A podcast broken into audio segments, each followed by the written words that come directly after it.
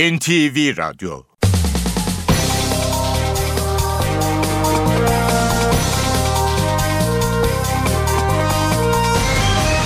İşe Giderken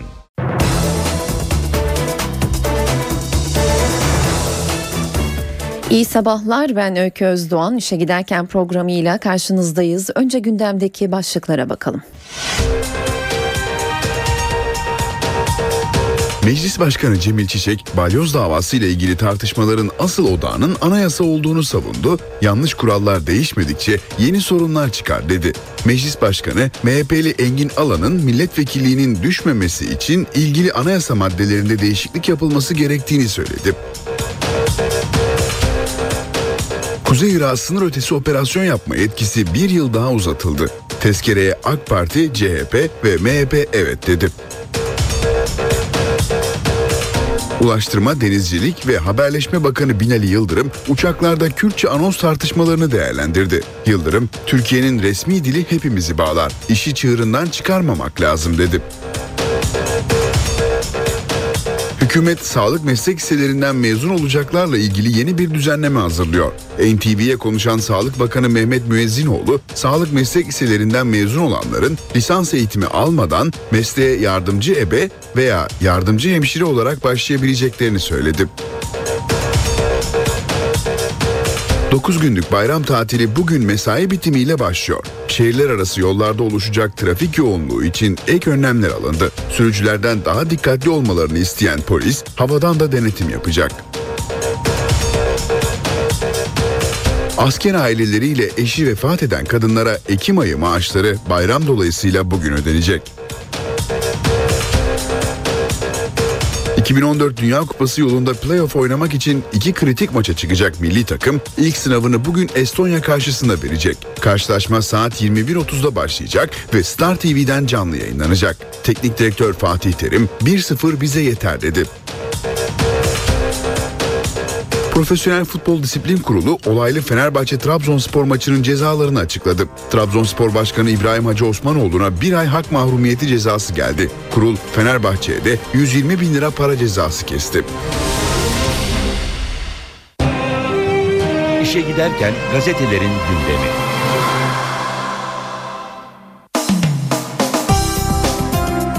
İşe giderken gazetelerin birinci sayfalarından haberler aktaracağımız basın turuyla devam ediyor. Hürriyetle başlayalım turumuza. Ölü baron yakalandığı başlığı göze çarpıyor manşette. Silivri'de bir cepte 346 kilo eroin ele geçirildi. Yakalanan 9 kişiden biri iki uyuşturucu davasından arandığı için kendisini nüfusta ölü olarak gösteren Mehdi Serdar diyor. Hemen üstündeki başlıksa 9 günlük büyük göç başlıyor.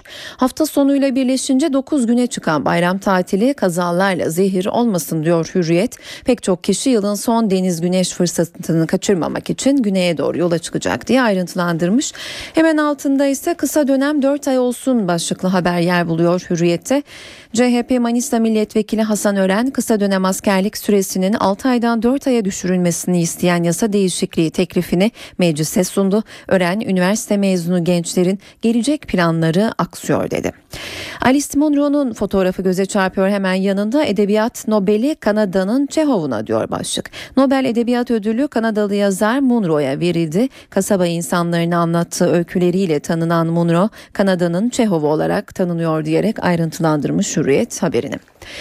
Milliyetin manşetinde ise gitseydim de dinlemezlerdi başlığı göze çarpıyor. Balyoz tanıklarının çağrısına rağmen tanıklık yapmadığı için eleştirilen dönemin Genelkurmay Başkanı Hilmi Özkök gitseydim de dinlenmezdim bu yargının tasarrufu dedi diyerek ayrıntılandırılmış iç sayfalarda Fikret Bila'nın yazısı.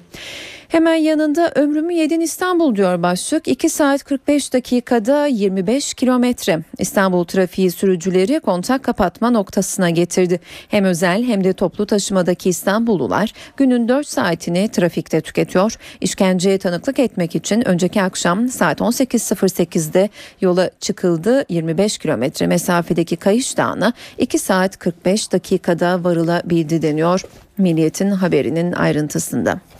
Zamanın manşeti ise AB Sayıştay kanun taslağından ciddi şekilde endişeli başlığını taşıyor. Avrupa Birliği Komisyonu yıllık ilerleme raporunda yeni Sayıştay teklifini eleştiriyor. Bütün kamu kurumları şeffaf ve hesap verebilir hale getirilmelidir diyor. Daha iyi işlemeye başladığını vurgulayan HSYK'nın yapısını değiştirme girişimleri konusunda Ankara uyarılıyor. Çözüm süreci ise dönüm noktası nitelemesiyle övülüyor demiş zaman manşet haberinin ayrıntısında. Yargıtay'ın Yargıtay'ın balyoz kararında Avrupa İnsan Hakları Mahkemesi vurgusu başlığı yer bulmuş hemen yanında. Yargıtay'ın balyoz darbe planı davası ile ilgili açıkladığı gerekçeli kararda sanıkların iddiaları tek tek ele alınıyor. Bazı sanıkların başvurusu üzerine Avrupa İnsan Hakları Mahkemesi'nin verdiği kararlara da birçok yerde atıf yapılıyor. Sanık Cem Aziz Çakmağ'ın dijital delillerin geçersiz olduğu iddiasıyla tutuklanmasına yaptığı itirazın ahim tarafından kabul edilmediğine dikkat çekiliyor demiş zaman ayrı ayrıntıda. Sabahla devam edelim. Sabah günün haberi olarak manşetini Alevi paketi 3 boyutlu başlıklı haberini taşımış. Hükümetin çok yakında açmaya hazırlandığı Alevi paketi 3 önemli konuya çözüm getiriyor. Maddelemiş kısaca aktaralım başlıkları cemevlerine statü, su, elektrik, arsa ve dedelere aylık. Sabahtaki bir diğer haberse Balyoz'da 28 Şubat izi başlığını taşıyor. Yargıtay gerekçesinde Balyoz'da 28 Şubat süreci arasında kritik bağlantılar kuruldu. Yargıtay 237 Balyoz sanığının mahkumiyet kararının onanmasında plan seminerlerinde yapılan bazı konuşmaları gerekçe gösterdi. İşlerin tıkır tıkır işlemesi lazım, basın kontrol edilecek, belediye başkanları değiştirilecek, birlikleri getirip İstanbul'un üzerine çökerim. Başbakan kaçırıldı. Başlıklı haberle devam edelim. Libya Başbakanı Zeydan Trablus'taki bir otelden silahlı 100 kişi tarafından kaçırıldı. Zeydan 6 saat sonra kurtarıldı. Halep'te siper savaşları başladı başlıklı haber yer buluyor hemen yanında. Suriye'de çatışmalar Halep'in Selahaddin bölgesinde yoğunlaştı. Bilali Habeşi Camisi ve Melab kontrol noktasını ele geçirmek için operasyon başlatan muhaliflerle Esad güçleri arasında sokak savaşları yaşanıyor demiş Sabah gazetesi bu haberinde.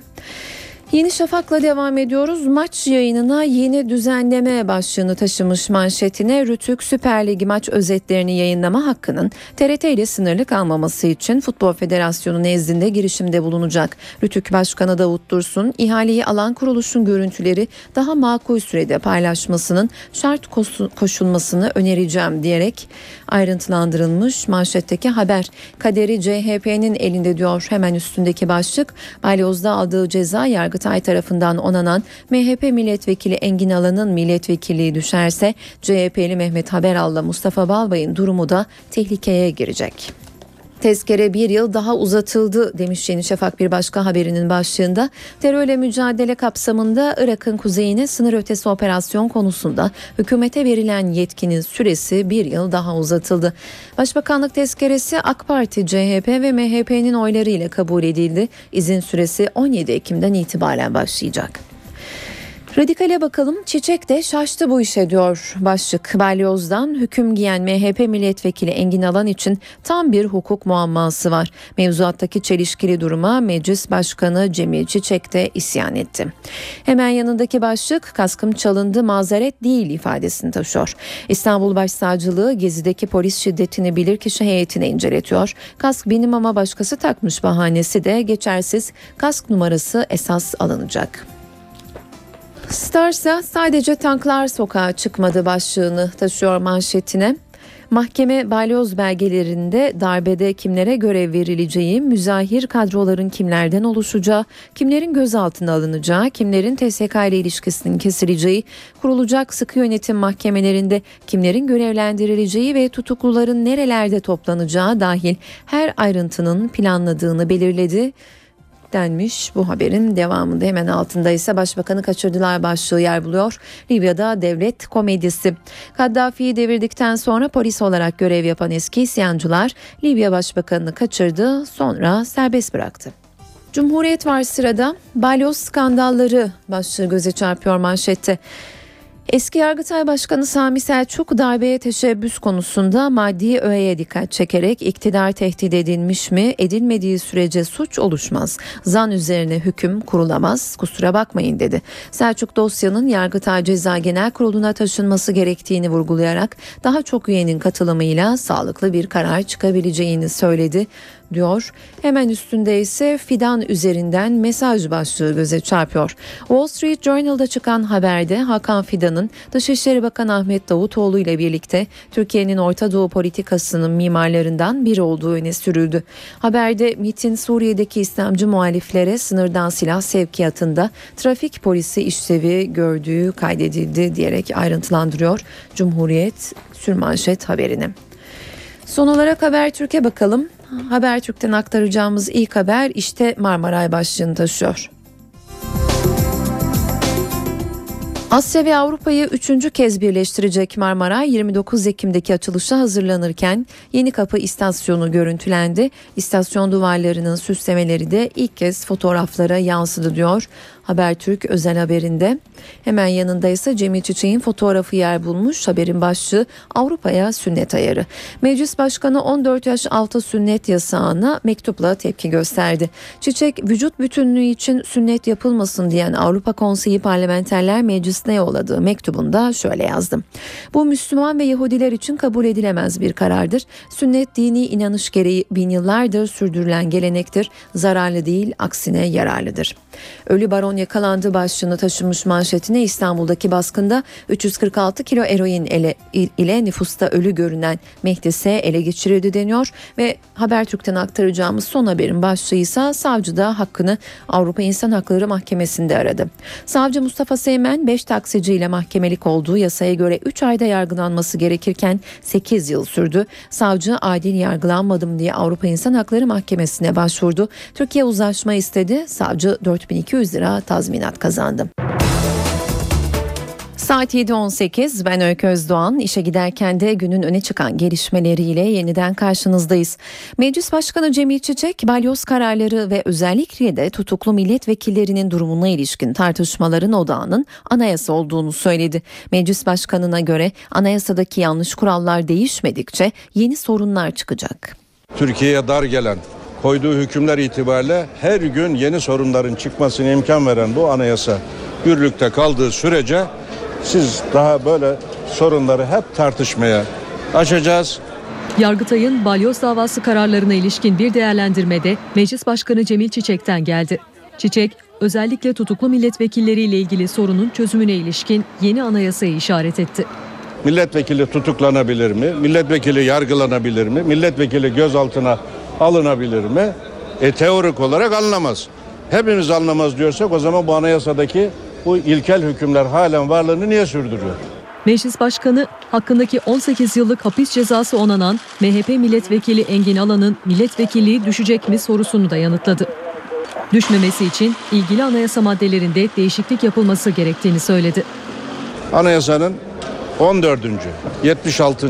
83. ve 84. madde tam da sorduğunuz sorular açısından mutlaka düzeltilmesi gereken, yenisinin yazılması gereken maddeler. O maddelere bakarsanız ne olduğu orada bellidir. Onun için sonucu olumluya çevirmek istiyorsak yanlış kuralları değiştirmemiz lazım. Eski Genelkurmay Başkanı Hilmi Özkök Yargıtay'ın balyoz kararını değerlendirdi. Tanıklık yapsam da esas değişmeyecekti. Mahkemeye gitseydim bile dinlemezlerdi dedi. Az önce gazete manşetlerini okurken de aktardık. Milliyet Gazetesi Genel Yayın Yönetmeni Fikret Bila'ya konuşan Özkök, Genelkurmay Başkanlığı döneminde hiçbir silahlı kuvvetler mensubuna dava açılmadığını söyledi.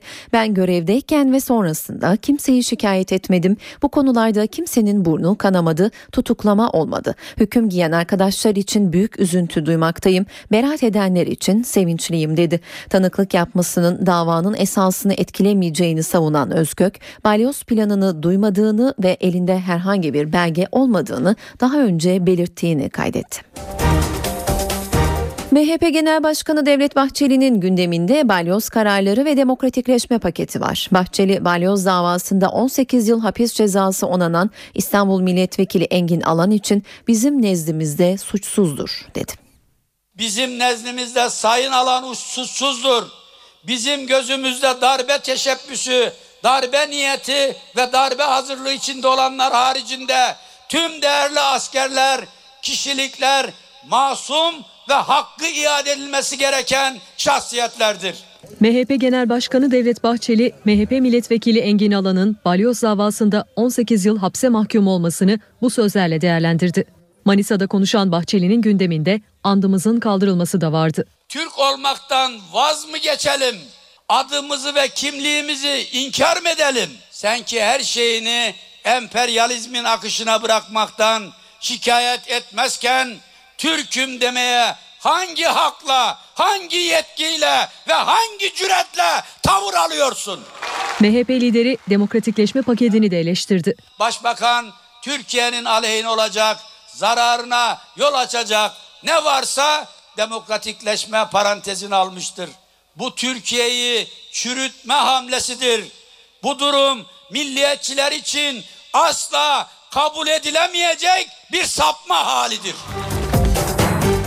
Hükümetin Kuzey Irak'a sınır ötesi operasyon yapma yetkisi bir yıl daha uzatıldı. CHP ve MHP hükümete hem eleştirdi hem de evet oyu kullandı. BDP ise beklendiği gibi hayır dedi. Yeni yasama döneminin ilk kararında gerilim yüksekti.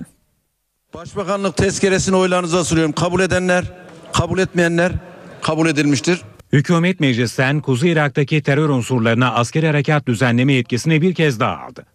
Irak tezkeresinin süresi 17 Ekim'den geçerli olmak üzere bir yıl uzatıldı. Tezkereye AK Parti'nin yanı sıra CHP ve MHP'de destek verdi. Ama muhalefet eleştirilerini de gündeme getirdi. Bu yetkinin amaca uygun olarak kullanılacağı hususundaki ciddi e, kuşkularımız da devam etmektedir. Ancak Cumhuriyet Halk Partisi olarak Irak'ın kuzeyindeki PKK varlığını ülkemiz için hala ciddi bir tehdit kaynağı olarak görmekteyiz. İçeride memleket savunmasını rafa kaldırıp dışarıya göz dikmek olmaz. Demokrasimize kasteden teröristleri vurmanız için iş bu tezkereye destek vereceğiz. BDP ise çözüm süreci devam ederken yeni bir tezkerenin gündeme alınmasına itiraz etti. Hükümet Kürt sorununu çözeceğini iddia ediyorsa bu tezkereyi niye getirdi? Bu tezkere niye ihtiyaç vardır? Eleştirileri hükümet adına Milli Savunma Bakanı İsmet Yılmaz cevapladı. Hükümet bize yetki veren tezkerenin uzatılması terörün ort ortadan kaldırılması amacıyla yürütmekte olduğumuz kapsamlı ve çok boyutlu çalışmalarımızı destekleyecek Ayrıca bölücü terör örgütünün olası eylemlerine yönelik bir tedbir niteliğinde olacaktır. Tezkerenin görüşmeleri sırasında mecliste ırkçı tartışması da yaşandı. Andımızı kaldırırken milli hislerimizi boğmaya and içtiler. Kimsenin haddi değil partimize saldırmak, dil uzatmak. Sizin ırkçı, tescilli ırkçı bir parti olduğunuzu bütün dünya biliyor. Öcalan 15 Ekim'de açıklama yapacağını duyurmuştu. Kandil'den açıklama geldi. KCK çözüm sürecine ilişkin 3 talebini açıkladı. Kürt varlığının anayasal ve yasal güvenceye alınması, Kürtlerin bir toplum olarak kabul edilmesi, demokratik özerkiliğinin kabulü ve ana dilde eğitimin her düzeyde kabul görmesi taleplerini sıralayan KCK bu talepler karşılanmadan sürecin başarıya ulaşamayacağını belirtti. CHP lideri Kemal Kılıçdaroğlu demokratikleşme paketi için hükümet bizim fikirlerimizi çaldı demişti. Bir grup CHP milletvekili ise pakete karşı devrim cumhuriyetle hesaplaşma diye tepki gösterdi. CHP'li vekillere göre hükümet anayasa suçu istiyor. Başbakan Recep Tayyip Erdoğan'ın açıkladığı ve bir bölümü hayata geçen demokratikleşme paketine CHP'nin bazı milletvekilleri sert tepki gösterdi. Karşı devrim paketiyle yüz yüze geldik. Yüzde yüz anayasa suçu işliyor. Süheyl Batum, Birgül Ayman Güler, Dilek Akagün Yılmaz, Oktay Ekşi gibi isimler mecliste kameraların karşısına birlikte çıktı.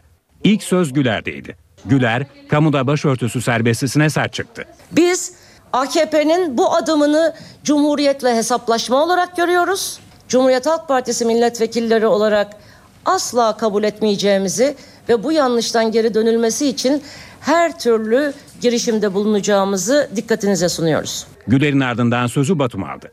Batum da anayasal suç işlendiğini savundu.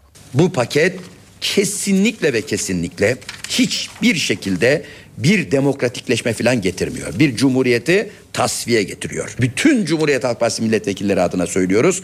Biz AKP'nin bu sahip olduğumuz hak ve özgürlüklerimizi ortadan kaldırmasına kesinlikle izin vermeyeceğimizi ilan etmek için bu basın toplantısını yaptık. Biz bu karşı devrimi kabul etmeyeceğiz. Göreceksiniz neler yapacağımızı.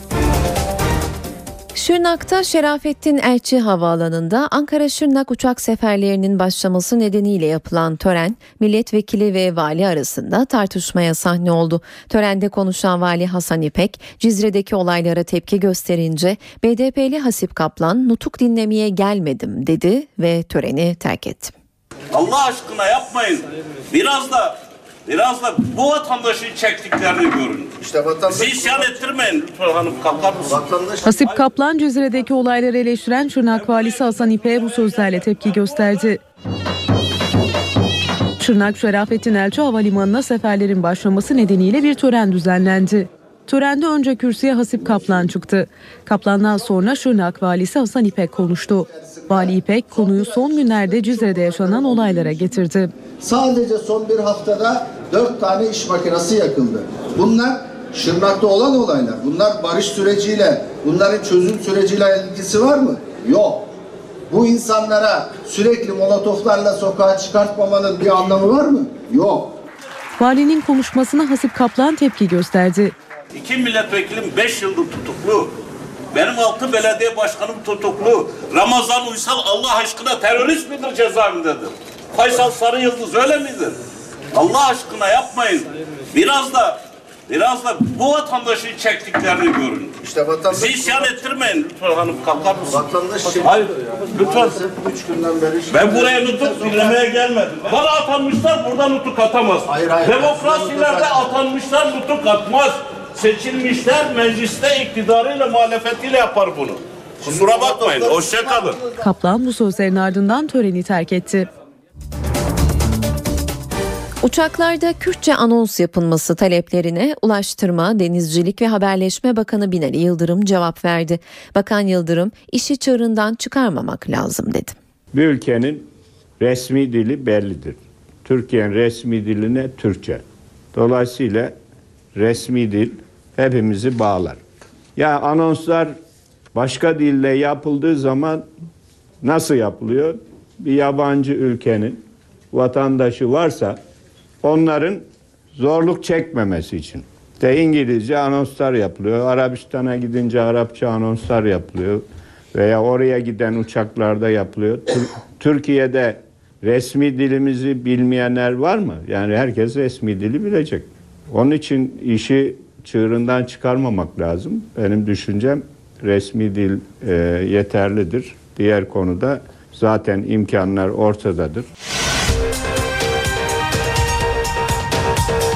Meclis Başkanı Cemil Çiçek, balyoz davası ile ilgili tartışmaların asıl odağının anayasa olduğunu savundu. Yanlış kurallar değişmedikçe yeni sorunlar çıkar dedi. Meclis Başkanı MHP'li Engin Alan'ın milletvekilliğinin düşmemesi için ilgili anayasa maddelerinde değişiklik yapılması gerektiğini söyledi. Kuzey Irak sınır ötesi operasyon yapma etkisi bir yıl daha uzatıldı. Tezkereye AK Parti, CHP ve MHP evet dedi. Ulaştırma, Denizcilik ve Haberleşme Bakanı Binali Yıldırım uçaklarda Kürtçe anons tartışmalarını değerlendirdi. Yıldırım, Türkiye'nin resmi dili hepimizi bağlar. İşi çığırından çıkarmamak lazım dedi. Hükümet sağlık meslek liselerinden mezun olacaklarla ilgili yeni bir düzenleme hazırlıyor. NTV'ye konuşan Sağlık Bakanı Mehmet Müezzinoğlu, sağlık meslek liselerinden mezun olanların lisans eğitimi almadan mesleğe yardımcı ebe veya yardımcı hemşire olarak başlayabileceklerini söyledi. 9 günlük bayram tatili bugün mesai bitimiyle başlıyor. Şehirler arası yollarda oluşacak trafik yoğunluğu için ek önlemler alındı. Sürücülerden daha dikkatli olmalarını isteyen polis havadan da denetim yapacak. Asker aileleriyle eşi vefat eden kadınlara Ekim ayı maaşları bayram dolayısıyla bugün ödenecek. 2014 Dünya Kupası yolunda playoff oynamak için iki kritik maça çıkacak milli takım ilk sınavını bugün Estonya karşısında verecek. Karşılaşma saat 21.30'da başlayacak ve Star TV'den canlı yayınlanacak. Teknik direktör Fatih Terim 1-0 bize yeter dedi. Profesyonel Futbol Disiplin Kurulu olaylı Fenerbahçe Trabzonspor maçının cezalarını açıkladı. Trabzonspor Başkanı İbrahim Hacı Osmanoğlu'na bir ay hak mahrumiyeti cezası geldi. Kurul Fenerbahçe'ye de 120 bin lira para cezası kesti. İşe giderken gazetelerin gündemi.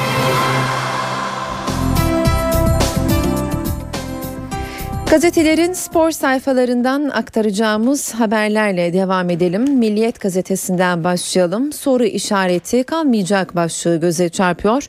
Fatih Terim şu anda tüm konsantrasyonunu ve enerjisini milli takıma verdiğini ancak yakında Galatasaray'da yaşadıklarını açık yüreklilikle ifade edeceğini söyledi diyor. A milli takımın teknik direktörü sarı kırmızılı takımdan ayrılışına fazla yorum yapmadı. Bunu ulu orta her yerde tartışmam. Duyduğunuz, okuduğunuz her şeyden şüphe duyun. Yakın zamanda kimsenin aklında soru işareti kalmayacak diye konuştu diyor. Milliyet'in haberinde Fatih Terim'in açıklamalarından alıntı yapılarak. 3 ihtimali transfer başlığı yer bulmuş hemen yan sayfada Beşiktaş Ramon Motta için 3 farklı sözleşme yaptı. Kartal futbolcunun performansını beğenmezse devre arasında gönderecek. Takıma katkısı olursa sezon sonuna kadar kalacak. Üçüncü mukaveleye göre ise siyah beyazlılar bonservis bedeliyle satın alabilecek deniyor bu haberin devamında. Sarı kart alarmı başlığı göze çarpıyor. Ay Yıldızlı ekipte Estonya maçı öncesi tam 7 futbolcu sarı kart cezası sınırında bulunuyor. Volkan, Arda, Burak, Ömer, Caner, Semih ve Hasan Ali bugün kart görmeleri durumunda Hollanda maçında cezalı duruma düşecek. Terim'in gitmesi olan başlığı göze çarpıyor bir başka sayfasında Milliyet'in Galatasaray Kulübü Başkanı Ünal Aysal dün Londra'da katıldığı futbolun liderleri konferansında Fatih Terim'i göndermeleriyle ilgili soruya Türkiye'de bu çok olağan bir şey. Kulüp tarihinde bu tarz değişiklikler var yanıtını verdi. Dördüncü yıldızı takmadan gitme yok başlığı göze çarpıyor hemen yan sayfada aday olup olmayacağı tartışılan Fenerbahçe Başkanı Aziz Yıldırım'ın hedefini bile belirledi.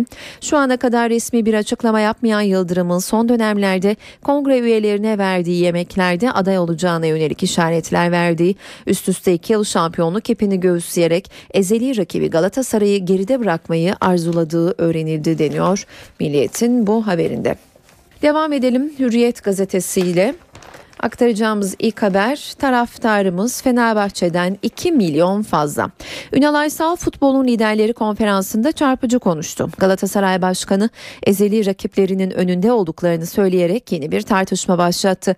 25 milyon taraftarımız var. Fenerbahçe 23, Beşiktaş ise 6 milyon taraftara sahip. Galatasaray tarih boyunca devamlı üst düzey teknik direktörlerle çalıştı. Teknik direktörlerle yolları ayırmak Türkiye'de olan bir durum. Yen Estonya'yı sık portakalı diyor hemen üstündeki başlık. Milliler bu akşam Estonya'ya konuk olacak. Kazanırsak Dünya Kupası yolunda salı akşamı son finali Hollanda ile oynayacağız. Beşiktaş cephesinden bir haberle devam edelim. Kartal erken bitirdi. Hırvatistan'daki özel maçta perdeyi 13'te Necip açarken Dentino 27'de farkı 2'ye çıkardı. Split'in ilk yarının sonlarında Kwasi ile gelen golü ancak tabelayı belirledi. Devam ediyoruz gazetelerin spor sayfalarından haberler aktarmaya. Zaman var sırada. Zamanın spor sayfasından Aktaracağımız ilk haber gözler Tallinn'de kulaklar Amsterdam'da başlığını taşıyor.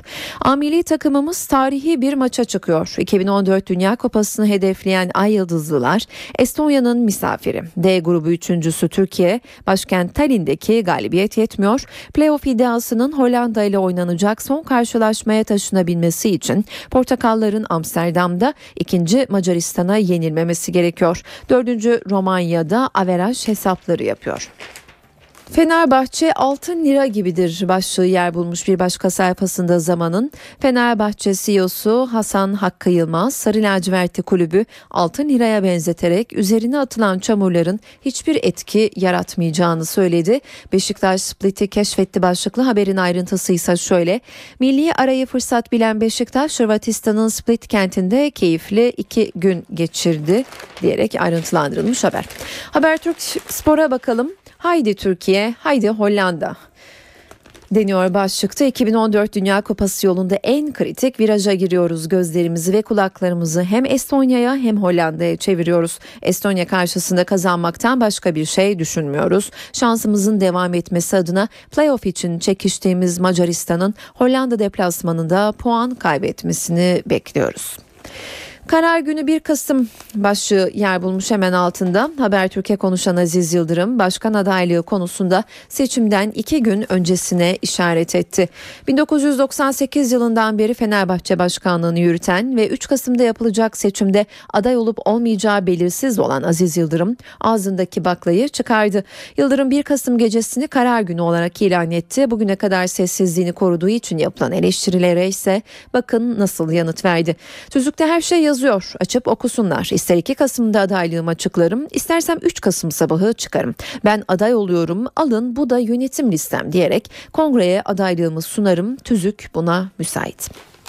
Sabah gazetesine bakalım şimdi de. Son düdüğe kadar savaş diyor başlık.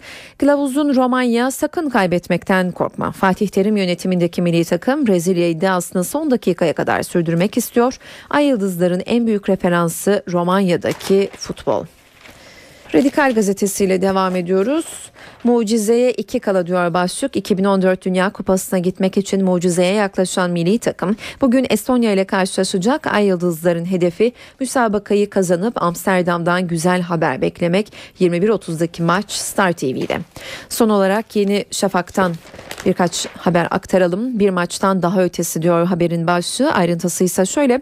2014 Dünya Kupası finallerine katılma yolunda Macaristan'la ikincilik mücadelesi veren Türkiye, Estonya'yı yenip rakibinin de Hollanda deplasmanında puan kaybetmesini bekleyecek.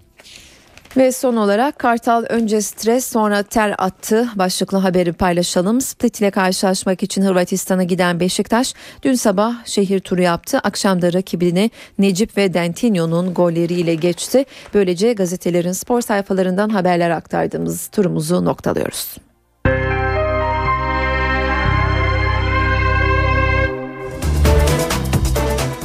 İstanbul Gülsuyu ve Gazi Mahallesi'nde gözaltına alındıktan sonra adliyeye sevk edilen 35 kişiden 19'u tutuklandı.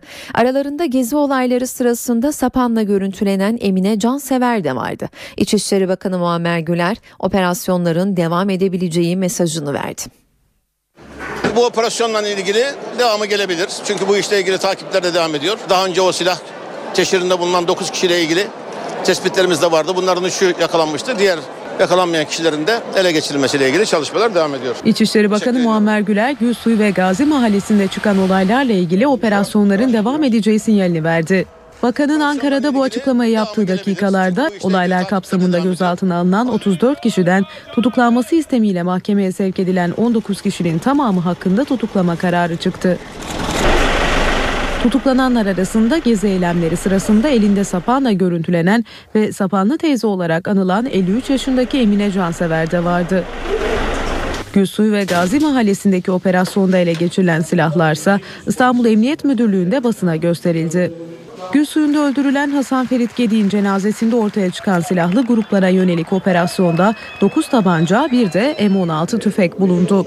Operasyonda ele geçirilen silahlar arasında en dikkat çeken işte bu M16 550 metre etkili menzile sahip Amerikan saldırı tüfeği özellikle suikastlarda kullanılıyor. Arama yapılan adreslerde 300'e yakın mermi, gaz maskeleri, cop ve molotof kokteyli yapımında kullanılan malzemeler de bulundu.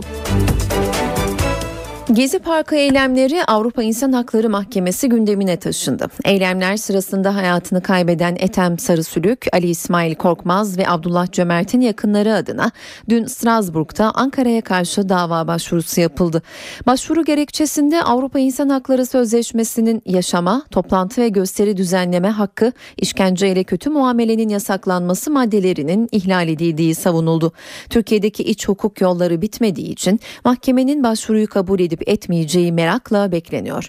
Taksim Dayanışması avukatları bu konuda suç işleyen polis memurları ve amirlerin hukuk ve yargıya karşı kolladığı iddiasıyla iç hukuk yollarının işlemez hale geldiğini savunuyor.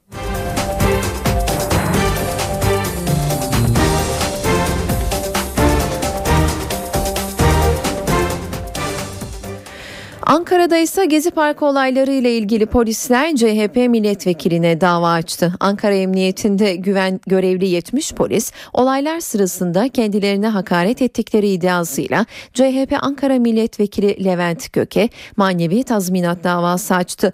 5 ila 10 bin lira arasında değişen miktarlarda açılan davaların kazanılması durumunda paranın Şehit Aileleri Derneği'ne bağışlanacağı belirtildi. Gezi Parkı eylemleri sırasında Başbakanla görüşen Taksim Dayanışması üyelerinden 4 kişi de polise ifade verdi. Memurlar Odası Genel Başkanı Eyüp Muhçu, Şehir Plancıları Odası İstanbul Başkanı Tayfun Kahraman, Beyoğlu Semt Dernekleri Sözcüsü Cem Tüzün ve Mimar Derya Karada, İstanbul Emniyet Müdürlüğü'nde kanunsuz eylemlere katılmak, grupları yönlendirmek, olayların meydana gelmesine zemin hazırlamak suçlamasına karşı ifade verdi. Tayfun Kahraman gazetecilere yaptığı açıklamada şiddetin yönlendiricisi Taksim dayanışması değil başka kaynaklar. Bu kaynakların soruşturulması gerektiğini söyledik dedim. ODTÜ'de yine olay var. Üniversite arazisinden geçecek yol projesi değiştirilmiş, tünel yapılması kararı almıştı ancak protestolar bitmedi. Yaklaşık 200 kişilik grup hem ODTÜ arazisine yapılacak yolu hem de İstanbul Gül Suyu'ndaki olayları protesto etmek için ODTÜ kampüsü 100. yıl girişinde toplandı.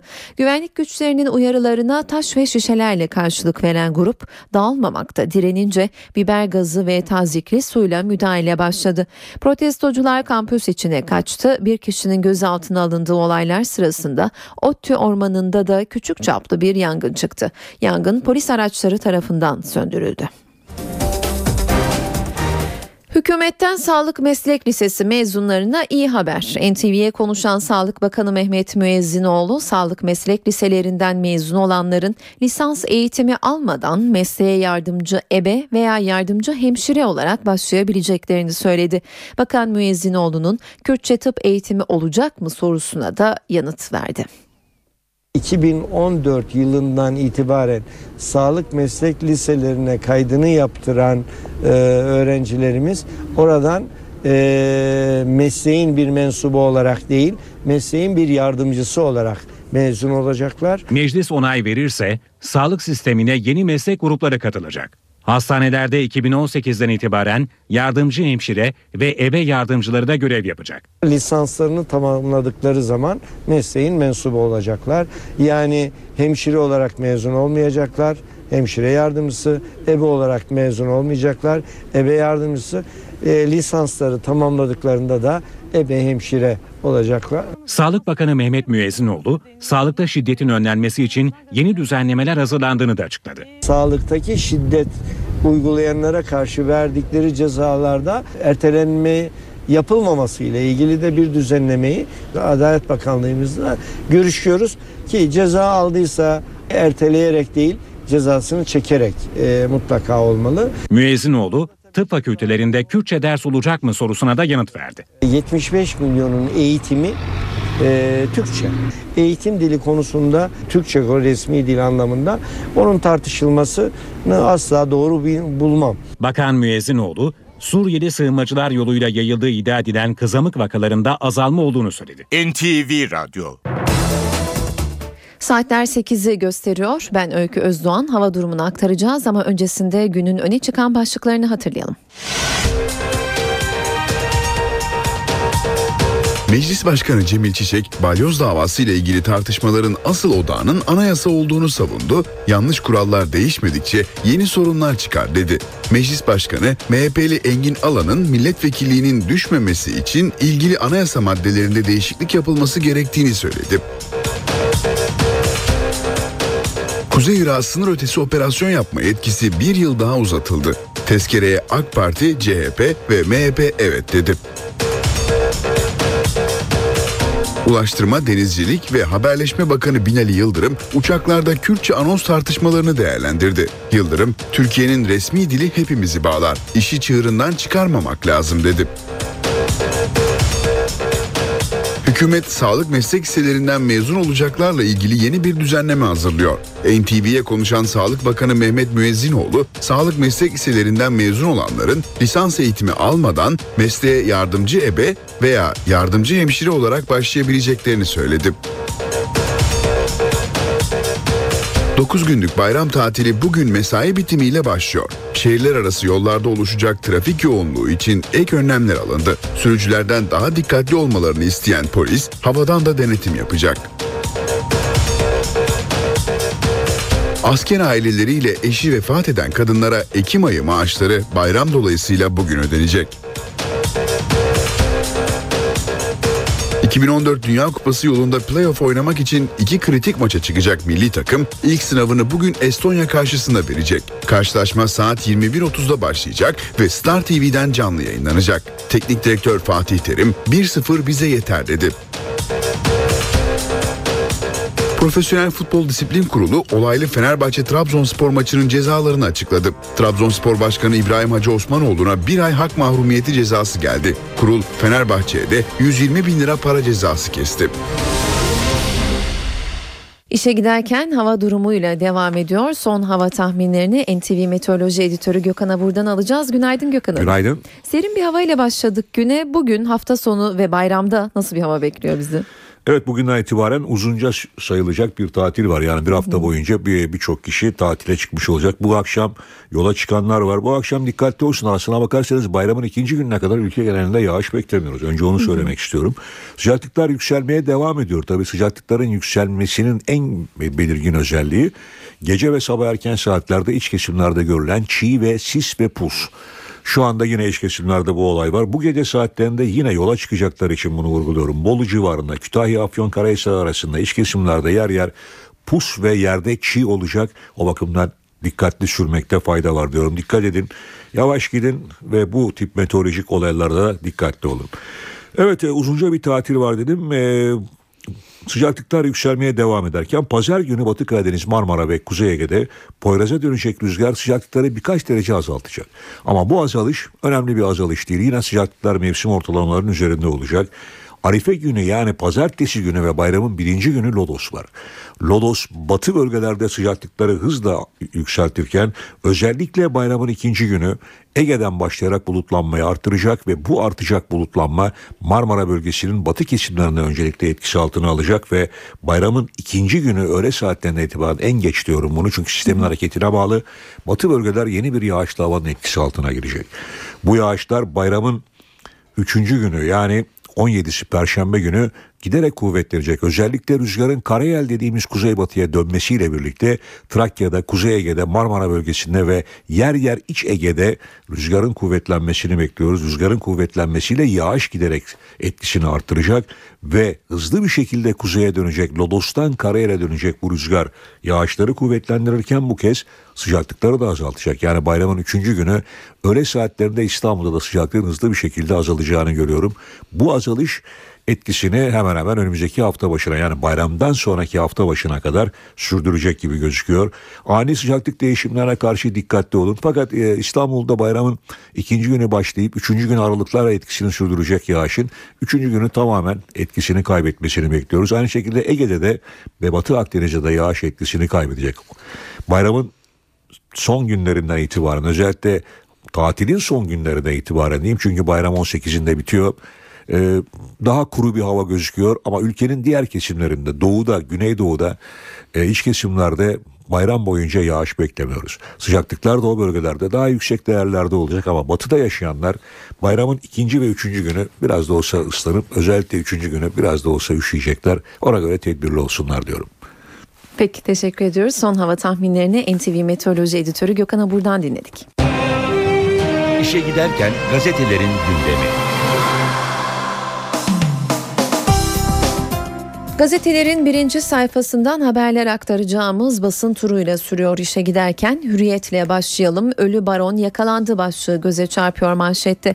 Silivri'de bir cipte 346 kilo eroin ele geçirildi. Yakalanan 9 kişiden biri iki uyuşturucu davasından arandığı için kendisini nüfusta ölü olarak gösteren Mehdi Serdar deniyor.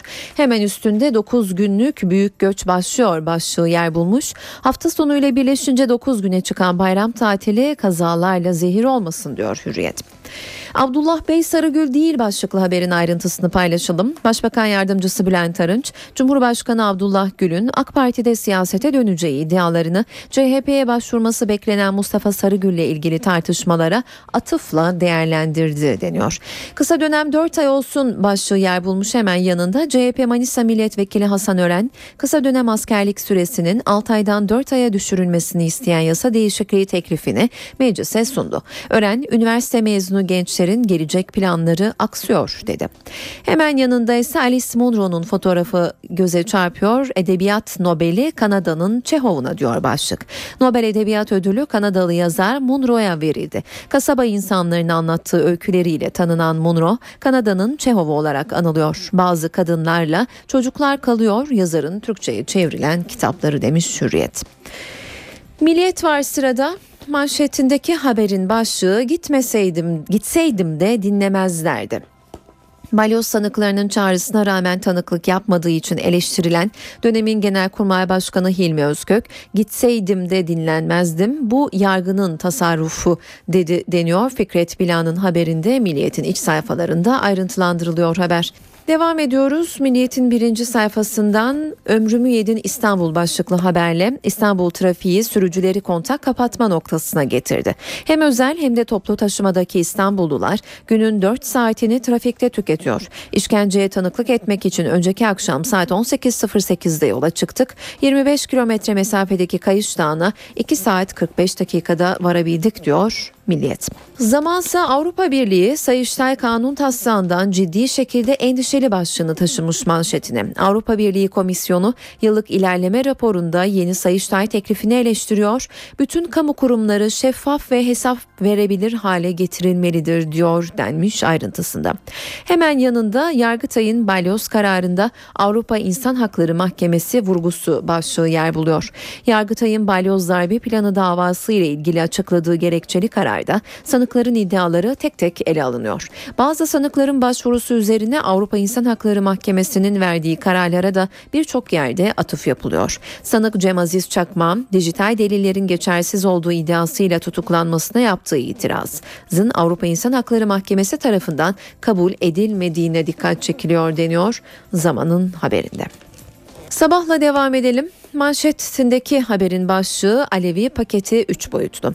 Hükümetin çok yakında açmaya hazırlandığı Alevi paketi 3 önemli konuya çözüm getiriyor denmiş. 3 maddenin başlığını aktaralım. Cem evlerine statü, su, elektrik, arsa, dedelere aylık.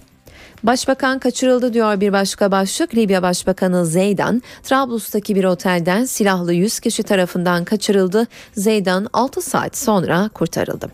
Balyoz'da 28 Şubat izi başlıklı haber var sırada. Yargıtay gerekçesinde Balyoz'da 28 Şubat süreci arasında kritik bağlantılar kuruldu. Yargıtay 237 Balyoz sanığının mahkumiyet kararının onanmasında plan seminerlerinde yapılan bazı konuşmaları gerekçe gösterdi. İşlerin tıkır tıkır işlemesi lazım lazım. Basın kontrol edilecek, belediye başkanları değiştirilecek. Birlikleri getirip İstanbul'un üzerine çökerim. Yeni Şafak'la devam ediyoruz basın turuna. Maç yayınına yeni düzenleme diyor manşet haberinin başlığı. Rütük Süper Lig maç özetlerini yayınlama hakkının TRT ile sınırlı kalmaması için Futbol Federasyonu nezdinde girişimde bulunacak. Rütük Başkanı Davut Dursun, ihaleyi alan kuruluşun görüntüleri daha makul sürede paylaşmasının şart koşulmasını önereceğim dedi. Tezkere bir yıl daha uzatıldı diyor bir başka başlık. Terörle mücadele kapsamında Irak'ın kuzeyine sınır ötesi operasyon konusunda hükümete verilen yetki süresi bir yıl daha uzatıldı. Başbakanlık tezkeresi AK Parti, CHP ve MHP'nin oylarıyla kabul edildi. İzin süresi 17 Ekim'den itibaren başlayacak. Radikalse çiçek de şaştı bu işe diyor. Birinci sayfasında balyozdan hüküm giyen MHP milletvekili Engin Alan için tam bir hukuk muamması var. Mevzuattaki çelişkili duruma meclis başkanı Çiçek de isyan etti. Star'ın manşet haberinin başlığı ise sadece tanklar sokağa çıkmadı. Mahkeme balyoz belgelerinde darbe kimlere darbede kimlere görev verileceği, müzahir kadroların kimlerden oluşacağı, kimlerin gözaltına alacağı, alınacağı, kimlerin TSK ile ilişkisinin kesileceği, kurulacak sıkı yönetim mahkemelerinde kimlerin görevlendirileceği ve tutukluların nerelerde toplanacağı dahil her ayrıntının planlandığı belirtildi deniyor. Star'ın manşet haberinin ayrıntısında. Cumhuriyet ise balyoz skandalları başlığını taşıyor manşetine. Eski Yargıtay Başkanı Sami Selçuk darbeye teşebbüs konusunda maddi öğeye dikkat çekerek iktidar tehdit edilmiş mi edilmediği sürece suç oluşmaz. Zan üzerine hüküm kurulamaz kusura bakmayın dedi. Selçuk dosyanın Yargıtay Ceza Genel Kurulu'na taşınması gerektiğini vurgulayarak daha çok üyenin katılımıyla sağlıklı bir karar çıkabileceğini söyledi. Son olarak Habertürk'e bakalım. Ölü baron yakalandı diyor manşet haberi. İstanbul'daki baskında 346 kilo eroinle nüfusta ölü görünen Mehdi S. ele geçirildi. Savcı da hakkını Avrupa İnsan Hakları Mahkemesi'nde aradı. Hemen yanındaki haberin başlığı. Savcı Mustafa Seymen 5 taksiciyle mahkemelik oldu. Yasaya göre 3 ayda yargılanması gerekirken 8 yıl sürdü. Savcı adil yargılanmadım diye Avrupa İnsan Hakları Mahkemesi'ne başvurdu. Türkiye uzlaşma istedi. Savcı 4200 lira tazminat kazandı. Ve son olarak işte Marmaray başlıklı haberi paylaşalım Habertürk'ün sürmanşetinde. Yeni Kapı istasyonu bir müze gibi diyor alt başlık. Asya ve Avrupa'yı üçüncü kez birleştirecek Marmaray 29 Ekim'deki açılışa hazırlanırken Habertürk Yeni Kapı istasyonunu görüntüledi. İstasyon duvarlarının süslemeleri de ilk kez fotoğraflandı deniyor. NTV Radyo Saat 8.20 ben Öykü Özdoğan. İşe giderken de günün öne çıkan gelişmeleriyle yeniden karşınızdayız. Gündemin başlıklarını Ankara'dan alacağız şimdi. NTV muhabiri Murat Barış Koralp karşımızda. Murat AK Parti'de bugün yoğun bir gün. Başbakan bir dizi toplantı yapacak. Gündemde neler var? Evet Öykü. Günaydın AK Parti'de bugün senin de söylediğin gibi zirve günü AK Parti'nin en yetkili iki karar merciği Merkez Karar Yönetim Kurulu ve Merkez Yürütme Kurulu Başbakan Recep Tayyip Erdoğan başkanlığında toplanacak. Merkez Karar Yönetim Kurulu 15'te, Merkez Yürütme Kurulu ise saat 18.30'da toplanacak. Toplantıların gündeminde yaklaşan yerel seçimlere ilişkin çalışmalar var ve daha da önemlisi yerel seçimle ilgili aday belirleme çalışmaları masada olacak. AK Parti'nin adaylarını bilmiyoruz. Bugün açıklanması da aslında beklenmiyor ama üzerinde artık yoğun bir mesai harcandığını adaylarla ilgili söyleyebiliriz. Ana muhalefet cephesinde ise Cumhuriyet Halk Partisi Meclis Grubu Genel Başkan Kemal Kılıçdaroğlu başkanlığında parti genel merkezinde toplanıyor. Normalde salı günleri mecliste yapılmasına alışkın olduğumuz bu toplantı bugün cuma günü genel merkezde toplanacak basına kapalı olarak. Bugün ayrıca Dünya Kız Çocukları Günü Türkiye genelinde düzenlenecek etkinliklerle kız çocuklarına yönelik ayrımcılık, şiddet ve istismar protesto ediliyor. Başkentte de bu konuyla ilgili bir etkinlik var. Etkinliğin konukları arasında Başbakan Erdoğan ve Aile ve Sosyal Politikalar Bakanı Fatma Şahin de var. Meclis Başkanı ise Cemil Çiçek ise Avrupa Birliği Türkiye Delegasyonu Başkanı Büyükelçi Jean-Maurice Viper ve Başkent Ankara Meclisi Genel Başkanı Nevzat Ceylan'ı ayrı ayrı kabul edecek. Ayrıca Meclis Başkanı Cemil Çiçek Keçiören'de Mevlana Kültür Merkezi açılışına da katılıyor. Ee, Kurban Bayramı yaklaşıyor. Denetimler de sıklaşıyor tabi haliyle. Gıda Tarım ve Hayvancılık Bakanı Mehdi Eker Keçiören Ovacık'ta bulunan kurban satış alanını gezecek. Ekonomi cephesinde çok önemli iki başlık var. Onlara değinerek Ankara gündemini kapatalım. Maliye Bakanı Mehmet Şimşek, Ocak-Eylül dönemi merkezi yönetim bütçe uygulama sonuçlarını 2013 yıl sonu bütçe gerçekleşme tahminiyle 2014 yılı merkezi yönetim bütçe kanun tasarısı hakkında basın toplantısı düzenleyecek. Bugün ayrıca Türkiye İstatistik Kurumu Temmuz ayı işsizlik rakamlarını açıklayacak. Öykü. Murat teşekkürler. NTV muhabiri Murat Barış Koralp'ten Ankara gündeminin ayrıntılarını aldık. 9 günlük bayram tatili bugün mesai bitiminden sonra başlıyor. Tatilciler yola çıkacak. Trafik kazalarına ve yoğunluğa karşı trafik ekipleri de bayram tatili boyunca yollarda olacak. Sürücüler hem karadan hem havadan denetlenecek. NTV muhabiri Gökhan Gerçek alınan önlemleri Emniyet Amiri İbrahim Ulutaş'la konuştu. Uzun bayram tatili başlıyor. Tatilciler cuma günü mesai bitiminden itibaren yine yollarda olacak. Tam 6 milyon aracın tatilde yollarda olması bekleniyor. 9 günlük bayram tatili boyunca binlerce trafik ekibi yollarda olacak. Sadece karadan değil sürücüler havadan da denetlenecek. Şehirler arası otobüslerde ise sivil trafik ekipleri sürücünün hemen yanında oturacak. 197 noktada aralıksız denetimlerimiz devam edecek. Havadan helikopterle yerden de denetim personelimizle sivil ve resmi olarak devamlı sürdüreceğiz. Şehirler arası seyahat edecek olan otobüslere yolcu olarak personelimizi bindiriyoruz. E, şoförün yaptığı kurol ihlalleriyle ilgili cezaları varış noktasında şoförlere de tatbik edecekler. Son dönemde en fazla trafik cezası mobeselerle plakaya yazıldı. Değişen uygulamalar sebebiyle aşırı hız yapan sürücüler tatil dönüşü yüklü cezalarla karşılaşabilir. Yoldasınız, radar aracını gördünüz ama ileride size ceza kesen bir polis yok. Şehre döndüğünüzde kötü bir sürprizle ceza ile karşılaşabilirsiniz. Çünkü bundan böyle aşırı hız yapan sürücülerin cezaları plakalarına kesilecek. Peki yola çıkan sürücüler nelere dikkat etmeli? Sürücülerimizin muhakkak surette kendilerini yorgun hissettikleri durumlarda dinlenmeleri, uykusuz araç kullanmamaları gerekiyor. Terminallerde yoğunluk şimdiden başladı. İstanbul'daki Esenler Otogarı'nda yine olağanüstü bir gün yaşanıyor. Biletler çoktan tükendi, ek seferler kondu. NTV muhabirinin Esenler Otogarı izlenimlerini dinliyoruz. Bu kısacık mesafe içinde bir saatlik rotarım var. Ben bir hafta 10 gün önceden geldim bilet bulamadım. Ve Rica minnet sonra bir tane bilet bulabildim. Onun için ailemi de götüremiyorum. Kimi bilet bulamadı, kimi otobüsüne rötarla bindi. Otogarda bayram telaşı erken başladı. Biletler tükendi. Firmalar ek seferler koydu. Ama bu da çare olmadı. Ek seferleri koyduk. Tamamen onlar da doldu. Şu anda e, gelen müşteriye e, talebini karşılayamıyoruz. Yok diye e, cevap veriyoruz. Bayram nedeniyle bayağı bir yoğunluk var. Şu anlık ızdırap içindeyiz ama yetiştiremiyoruz arabalarımızı. Bayram tatili için memleketlerini tercih edenler çoğunluktaydı. Memlekete gidiyoruz. Annem babam orada. 15 aydır gitmemiştik. Gidip hem bir bayram ziyareti hem de özlem gidereceğiz. Ailemizle birlikte geçireceğiz tatilimizi. 9 gün tatil yapacağız. Önümüzdeki hafta tekrar döneriz. Yoğunluğun hafta sonunda artması bekleniyor.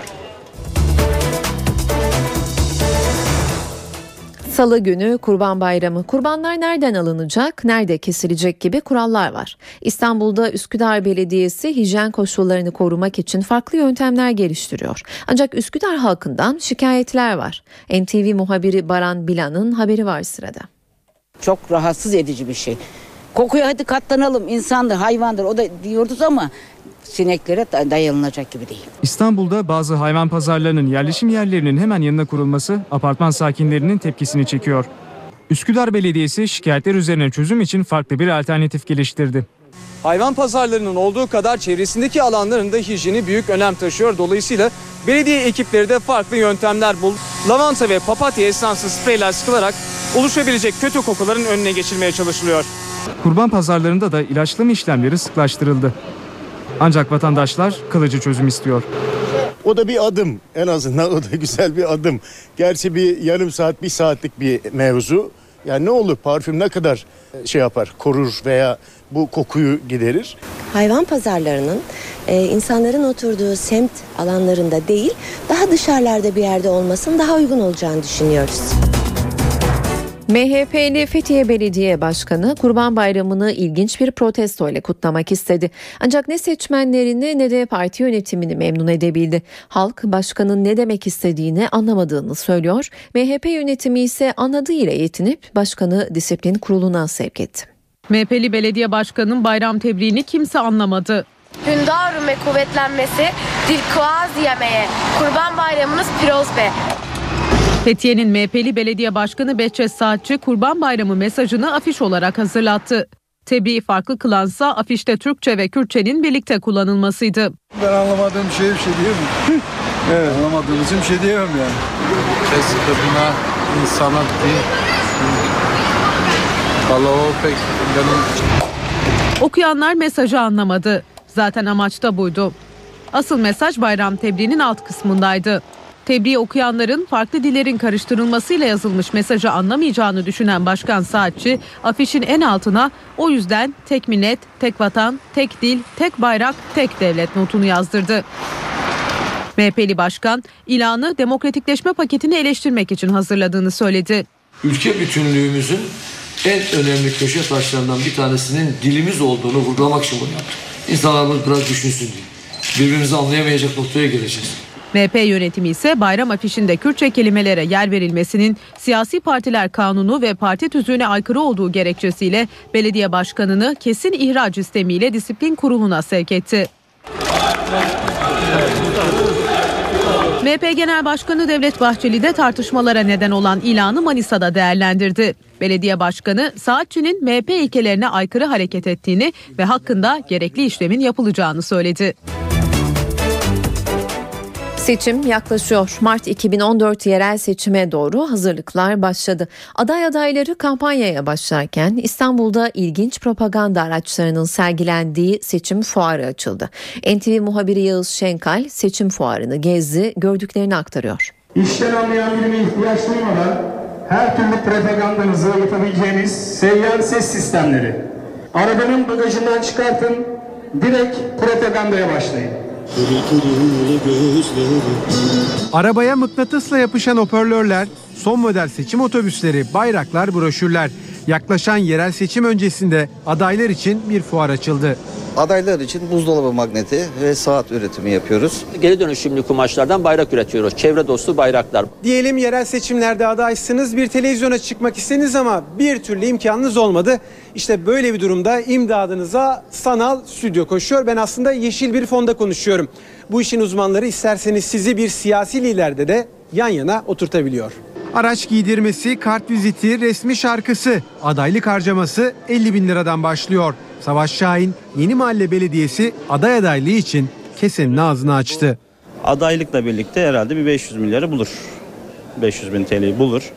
Sadece belediye başkanlığı değil, on binlerce muhtarlık ve meclis üyeliği için de yarış başladı. Benim tahminim 5 milyar dolar civarında bir e, ekonomisi var. İstanbul Yeşilköy'deki seçim hazırlıkları fuarı cumartesi akşamına kadar gezilebilir.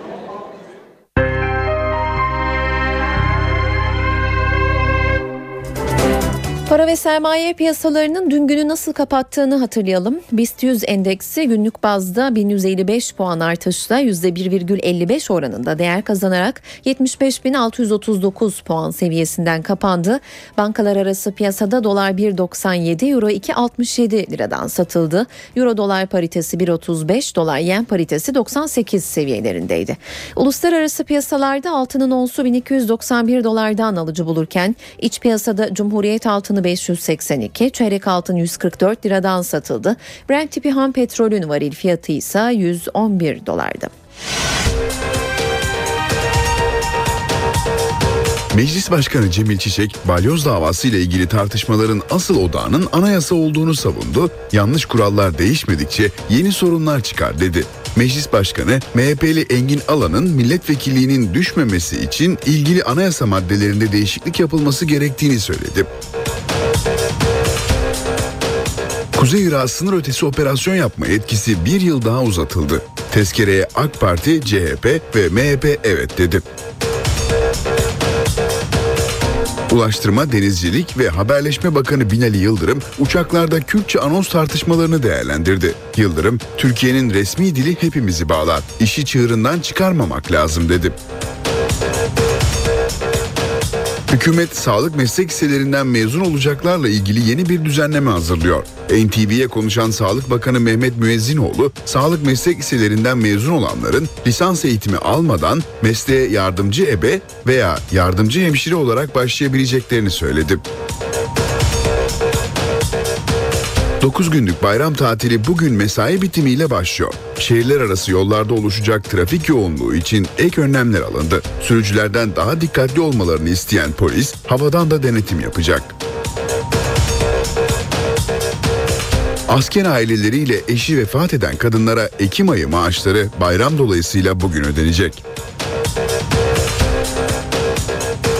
2014 Dünya Kupası yolunda playoff oynamak için iki kritik maça çıkacak milli takım ilk sınavını bugün Estonya karşısında verecek. Karşılaşma saat 21.30'da başlayacak. Star TV ve NTV Radyo'dan naklen yayınlanacak. Teknik direktör Fatih Terim 1-0 bize yeter dedi.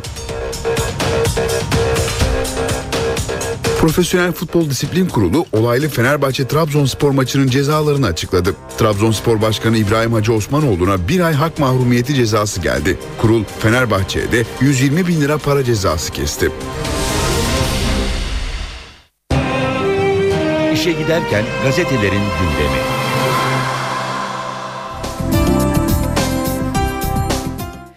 İşe giderken gazetelerin birinci sayfalarından haberler aktardığımız basın turuyla devam ediyor. Hürriyet gazetesiyle başlayalım. Ölü baron yakalandı başlığını taşıyor manşet haberi. Silivri'de bir cipte 346 kilo eroin ele geçirildi.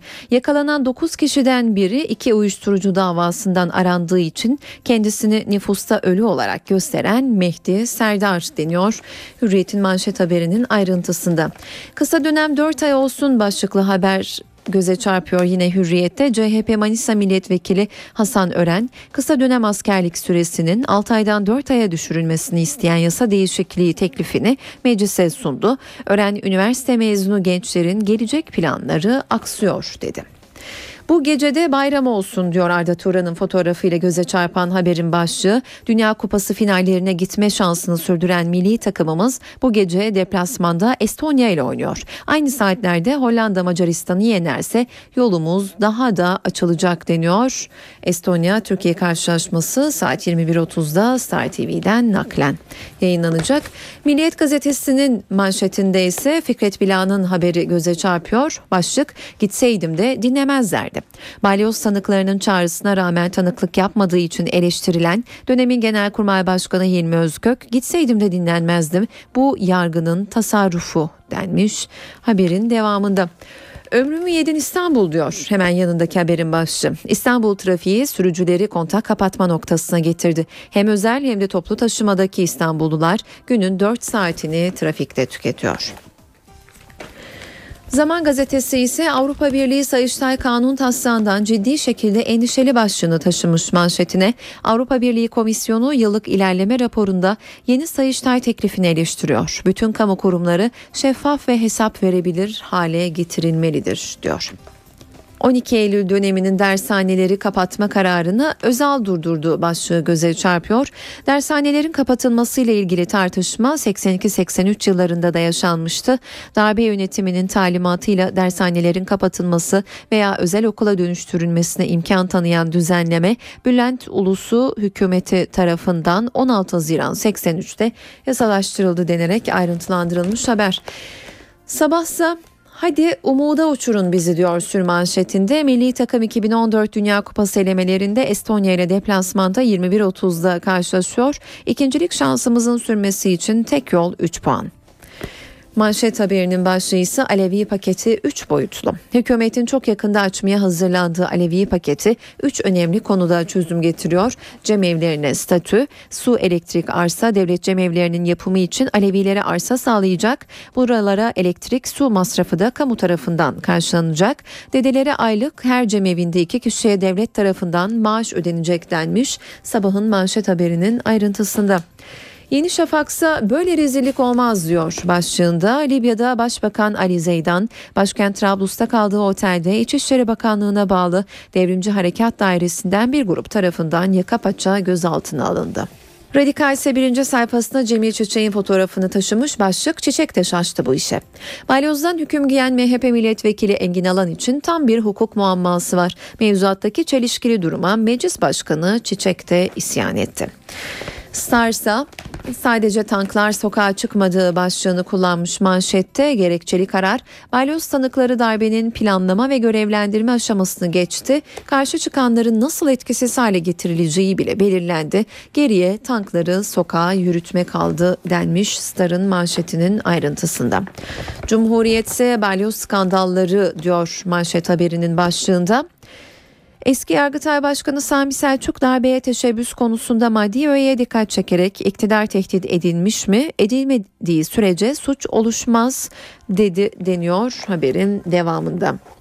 Habertürk ise ölü baron yakalandı diyor manşetinde İstanbul'daki baskında 346 kilo eroinle nüfusta ölü görünen Mehdi ele geçirildi diyerek ayrıntılandırıyor. Savcı da hakkını Avrupa İnsan Hakları Mahkemesi'nde aradı. Savcı Mustafa Seymen 5 taksiciyle mahkemelik oldu. Yasaya göre 3 ayda yargılanması gerekirken 8 yıl sürdü. Savcı adil yargılanmadım diye Avrupa İnsan Hakları Mahkemesi'ne başvurdu. Türkiye uzlaşma istedi. Savcı 4200 lira tazminat kazandı. Biz de böylece gazetelerin birinci sayfasından haberler aktardığımız turumuzu noktalıyoruz.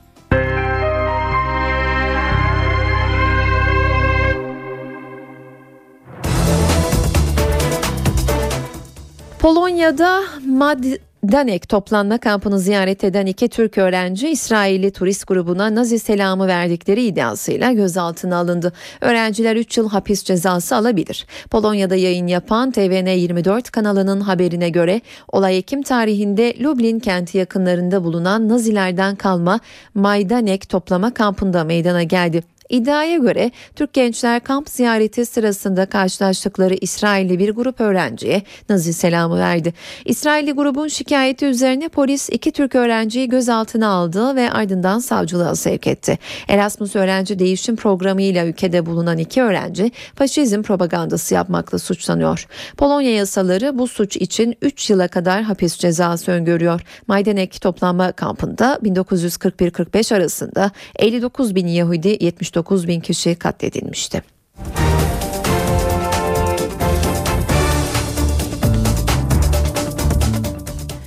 Mavi Marmara baskınına ilişkin davada mahkeme İsrail'den sanıkların kimlik bilgilerinin istenmesine karar verdi. Olay tarihinde İsrail Genelkurmay Başkanı olan Aş Nazi'nin de aralarında bulunduğu 4 sanığın yargılandığı davanın duruşması 27 Mart 2014 tarihine ertelendi. Gazze'ye gitmek üzere yola çıkan Mavi Marmara gemisine İsrail askerlerinin yaptığı baskında 9 kişinin ölümüyle ilgili olarak gıyaben yargılanan sanıkların 9'ar kez müebbet hapsi isteniyor. Bye.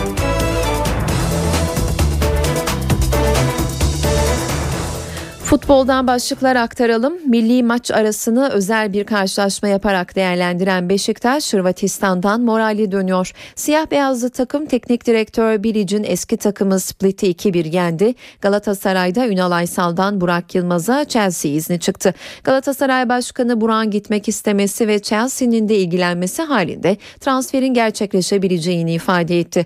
Trabzonspor'da kadro dışı bırakılan Volkan Şen alacakları için kulübe ihtar çekti. Kulüp Başkan Yardımcısı Abdi Serdar Üstün Salih, Volkan'ın parasının problemsiz şekilde ödeneceğini söyledi. Böylece işe giderken programının sonuna geldik. Ben Öykü Özdoğan gelişmelerle yeniden karşınızda olacağız. NTV Radyo